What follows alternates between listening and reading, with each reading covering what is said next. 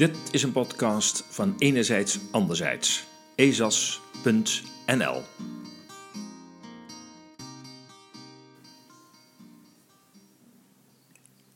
Knutselen aan de mens. Een nieuw tijdperk? Met Exploring Biodigital Convergence wordt niet anders bedoeld dan de invulling van de transhumanistische visie. Hierbij wordt het samensmelten van mens en technologie nagestreefd, in het lichaam wel te verstaan. Voor sommigen een geweldige nieuwe technologische horizon, voor anderen een gruwel dat de mens van zichzelf zal doen vervreemden. We lezen het adviesdocument dat in 2019 aan de Canadese regering werd uitgebracht. Een lange weg van voorbereiding. Het jaar 2019 blijkt achteraf een belangrijk jaar voor dat wat we nu meemaken. Zowel het opgedrongen vaccinatieprogramma als het zoveel mogelijk digitaliseren van de samenleving vond haar laatste voorbereidingen in 2019.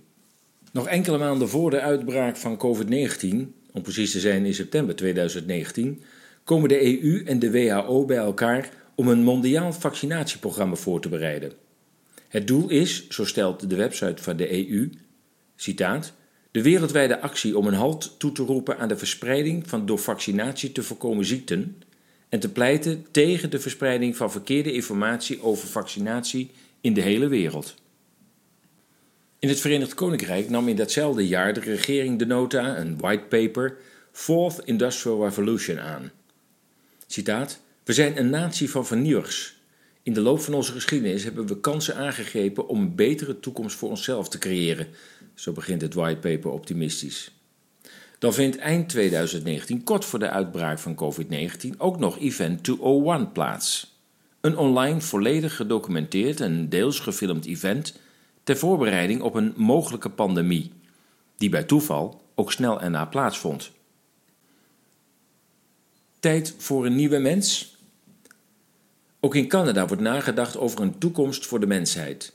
Niet toevallig, want bedrijven verenigd in het World Economic Forum en mensen als Elon Musk en Bill Gates zijn al jaren gefascineerd van deze vorm van biologisch digitaal knutselen aan de mens.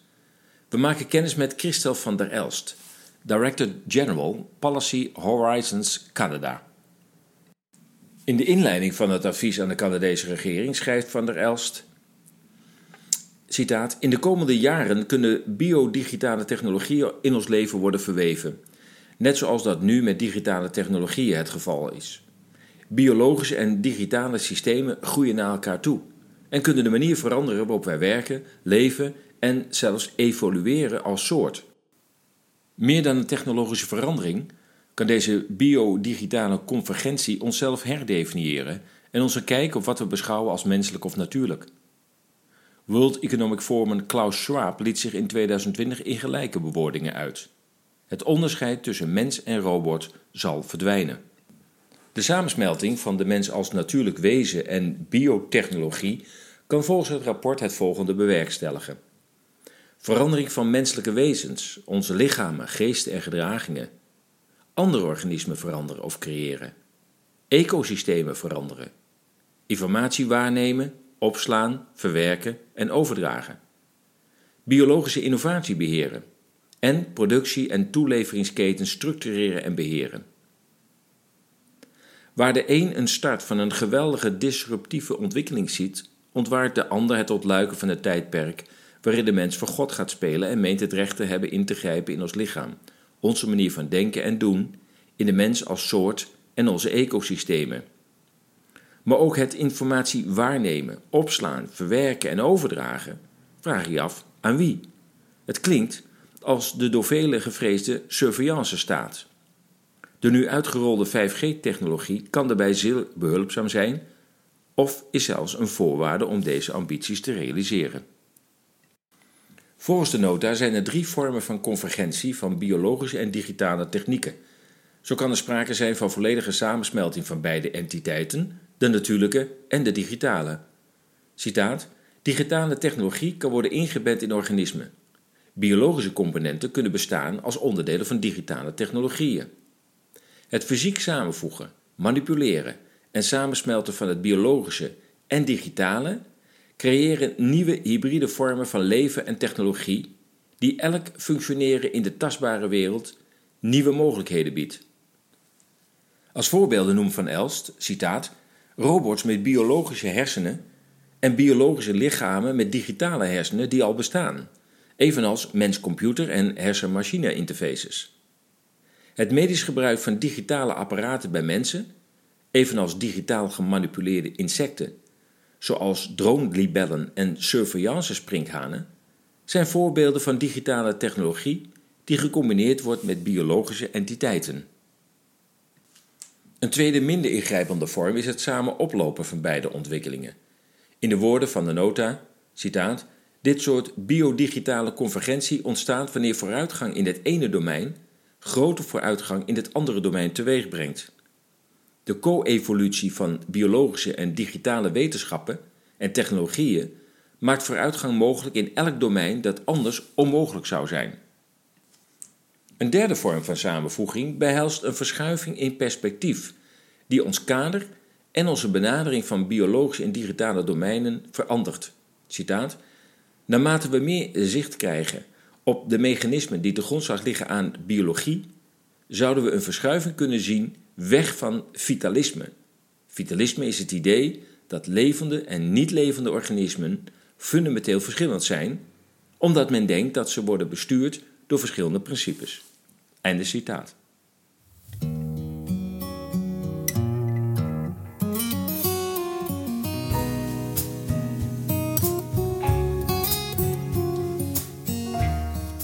Eet minder of geen vlees. Bij deze slogan lijkt de aftrap gegeven voor een tijdperk van industrieel geproduceerd voedsel. Het verschuift de voedselproductie van honderdduizenden onafhankelijke boeren naar enkele multinationals zoals Nestlé en Unilever. Daarmee komt, naast nu al onze online communicatie, ons geldsysteem, onze gezondheidszorg, onze media, ook onze voedselproductie in enkele machtige handen. Allen gefinancierd door een handvol beleggingsfondsen zoals BlackRock. Het rapport schrijft erover, citaat, er is ook een vervaging tussen wat wordt beschouwd als natuurlijk of organisch en wat digitaal, gemanipuleerd of synthetisch is. Voor bijvoorbeeld biosynthetische vanille wordt gebruik gemaakt van virulinezuur, eugenol, glucose en bacteriën, schimmels en gisten als microbiële productieleveranciers. Hoewel het niet afkomstig is van een vanilleplant, worden onder zowel de Amerikaanse als de EU-voedselwetgeving de productie uit microbiële transformaties van natuurlijke processen toch geëtiketteerd als een natuurlijk aroma. It's all about storytelling. We hebben het gemerkt met de huidige pandemie. Er zal zeker sprake zijn van een virus. Venijniger wellicht dan een aantal andere van haar recente voorgangers, maar zeker niet dodelijker volgens de WHO. De rest is storytelling. Dat beseft ook de opsteller van dit adviesrapport aan de Canadese regering. Het gaat om de juiste verhalen, zorgvuldig geselecteerde beelden oproepen. Een ingekort voorbeeld van zo'n story uit het rapport. Citaat. Ik word wakker met het zonlicht en de zoute lucht van de Adriatische Zee. Ik woon niet in de buurt van de Middellandse Zee, maar mijn AI, kunstmatige intelligentie, die ook mijn gezondheidsadviseur is, heeft een specifieke luchtkwaliteit, geur en zonintensiteit voorgeschreven om mijn energieniveau s'morgens te regelen en heeft mijn slaapkamer geprogrammeerd om dit klimaat na te bootsen. Alles ziet er goed uit, dus ik controleer de digitale interface van mijn hersenen om de droomgegevens te lezen die werden opgenomen en verwerkt in real time afgelopen nacht. Mijn therapie-app analyseert de emotionele reacties die ik heb geuit terwijl ik sliep. Het stelt voor dat ik tijd neem om deze week in de natuur te zijn, om na te denken over mijn terugkerende gevangen in een doos droom en nuttige, onderbewuste neurale activiteiten te versterken. Mijn AI beveelt een bosdag aan. Ik denk, oké, en mijn AI en neurale implantaat doen de rest. Einde citaat. Onbeperkte mogelijkheden. De mogelijkheden lijken oneindig. In het beschreven rapport wordt gesproken van het veranderen van het menselijk genoom, onze biologische elementen en eigenschappen. Ook het monitoren, veranderen en manipuleren van menselijke gedachten en gedrag wordt als grote sprongen voorwaarts gepresenteerd. In China werd al in 2018 melding gemaakt van een vooraf met CRISPR-technologie genetisch gemanipuleerde baby. Ongewild moet je dan denken aan de COVID-vaccins met mRNA-genmanipulatie. Het rapport vermeldt nog veel andere mogelijkheden. Zo noemt het rapport nanobots en nanomaterialen die nauwkeurig geneesmiddelen kunnen afleveren in levende wezens. Maar denk ook aan herseninterfaces die het mogelijk maken machines via hersensignalen te besturen. Machine learning kan uitkomsten voorspellen van klinische proeven. Vooruitgang zal worden geboekt in gensequentie en bewerking, zoals met de CRISPR-Cas9-technologie. Printeria. Thuis biologisch aan de slag. Het printen heeft een grote ontwikkeling doorgemaakt. Oorspronkelijk verbonden aan het drukken van tekst op materiaal ontstond 3D-printing voor voorwerpen, vervakkelde organen en zelfs voedsel. Nu is voor nog geen 1500 euro een biologische printer op de markt. De website van de leverancier zegt, citaat, Printeria is een volledig uitgerust apparaat voor bioengineering waarmee het proces van het printen van genetische circuits in bacteriën kan worden geautomatiseerd, maar dat even eenvoudig en gemakkelijk te bedienen is als een desktop printer voor huishoudelijk gebruik. Op deze manier kan de gebruiker DNA delen, assembleren in een eenstapsreactie en alle stappen controleren. Einde citaat. Lange leven, persoonlijke voeding en meer datahonger. Algemeen wordt verwacht dat de afhankelijkheid van agrarische producten van het veld zullen afnemen door in de fabriek gecreëerd voedsel. Denk daarbij aan kweekvlees, waardoor geen dier meer gehouden hoeft te worden. Ook het kweken van groenten en fruit in een kunstmatige omgeving, deels bevorderd door toepassing van de manipulatie van gewassen, zal de afhankelijkheid van de agrarische sector verminderen.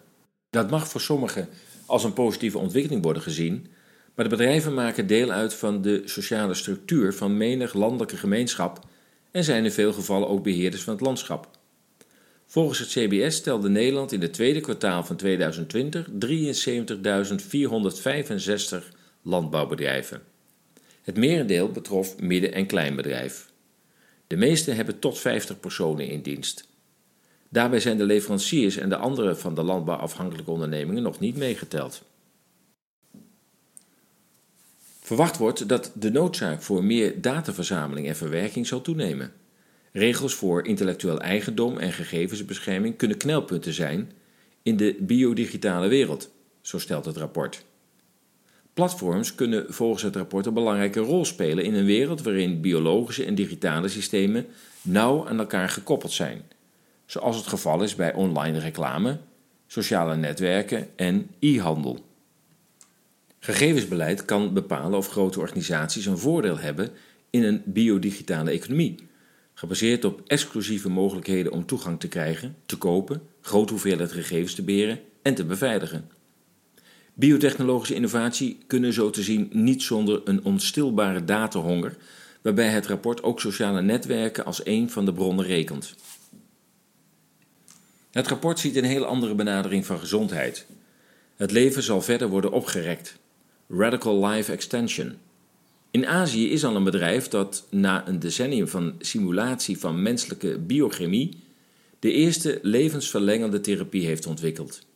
Het is gebaseerd op het veranderen van het menselijk genoom in cellen door het hele lichaam. De therapie vertraagt drastisch de aftakeling van cellen, waardoor gebruikers tot wel 15 jaar langer gezond kunnen leven. De therapie moet wel tijdig beginnen. Voor 40-plussers is er geen hoop op die extra 15 jaar leven. Alleen onder de 40 kan de levensverlengende therapie nog aanslaan. De behandeling wordt wereldwijd op de markt gebracht voor de lieve som van 10 miljoen dollar per kuur. Meer dan 5000 patiënten zouden zich al voor behandeling hebben aangemeld. Voeding aangepast aan je unieke spijsverteringsstelsel is de grote belofte van de biotechnologische ontwikkeling. Een van de snelst groeiende bedrijven in de voedingssector maakt gebruik van microbiome-analyse om gepersonaliseerde en dynamische voedingsplannen te creëren. Door voeding precies op elk lichaam af te stemmen belooft het bedrijf meer dagelijkse energie en een beter gevoel in het leven. De hiervoor benodigde dierlijke eiwitten zijn voor 90% duurzaam gewonnen uit speciaal gemanipuleerde insecten, zo juicht het rapport. Is er een addertje onder het gras? Jazeker. Je moet het bedrijf toegang geven tot je hele biome om het product en zijn gezondheidsvoordelen te ontvangen. De mens als laboratoriumobject. Waarschuwen doet het rapport ook. In een fictief voorbeeld blijkt een supermarkt de bioneurodata van haar klanten te hebben misbruikt om de klant aan te zetten tot meer consumptie. We weten inmiddels dat misbruik van data geen fictie meer is. Overheden en bedrijven hebben al een, hele reeks van schandalen achter de rug. Berucht was de psychologische manipulatie van 600.000 Facebook-gebruikers zonder dat zij hiervan op de hoogte waren. De huidige pandemie, de hype die wordt gecreëerd rondom gezondheid en veiligheid, in ruil voor persoonlijke vrijheid en privacy, lijkt een opmaat naar een wereld van de maakbare mens. Het is al sinds het bestaan van de mensheid een diep verlangen om het leven tot in alle facetten te kunnen beheersen. Het transhumanisme als stroming is eenvoudig te ontwaren bij technohelden van dit moment als Bill Gates en Elon Musk. Ook partijen als het World Economic Forum maakten geen geheim van het technogeknutsel aan de mens als wenkend perspectief te zien. De farmacie draait warm tijdens de COVID-oefening om een eerste gentherapeutische stap uit haar naalden te laten vloeien. Voor diegenen die de mens als een laboratoriumobject zien, breken mooie tijden aan. Waakzaamheid is echter geboden voor hen die het leven willen nemen zoals het komt, met een begin en een natuurlijk einde. Daartussen levend als een vrij mens die basis over zijn eigen lijf en data. Dit was een podcast van Enerzijds Anderzijds. U kunt ons steunen met een donatie. Ga naar de donatiepagina op onze website ezas.nl. U kunt daar eenvoudig doneren via Ideal of met Bitcoin. Steun ons werk, maak ons sterk. Enerzijds, anderzijds, zoek naar nieuwe inzichten in actuele thema's. De massamedia die lang werden vertrouwd, hebben dat vertrouwen bij velen verloren. Enerzijds, anderzijds wil met haar berichtgeving meer balans brengen in actuele onderwerpen. Lees onze berichten en artikelen op ezas.nl. Laat ons uw mening weten en deel onze artikelen.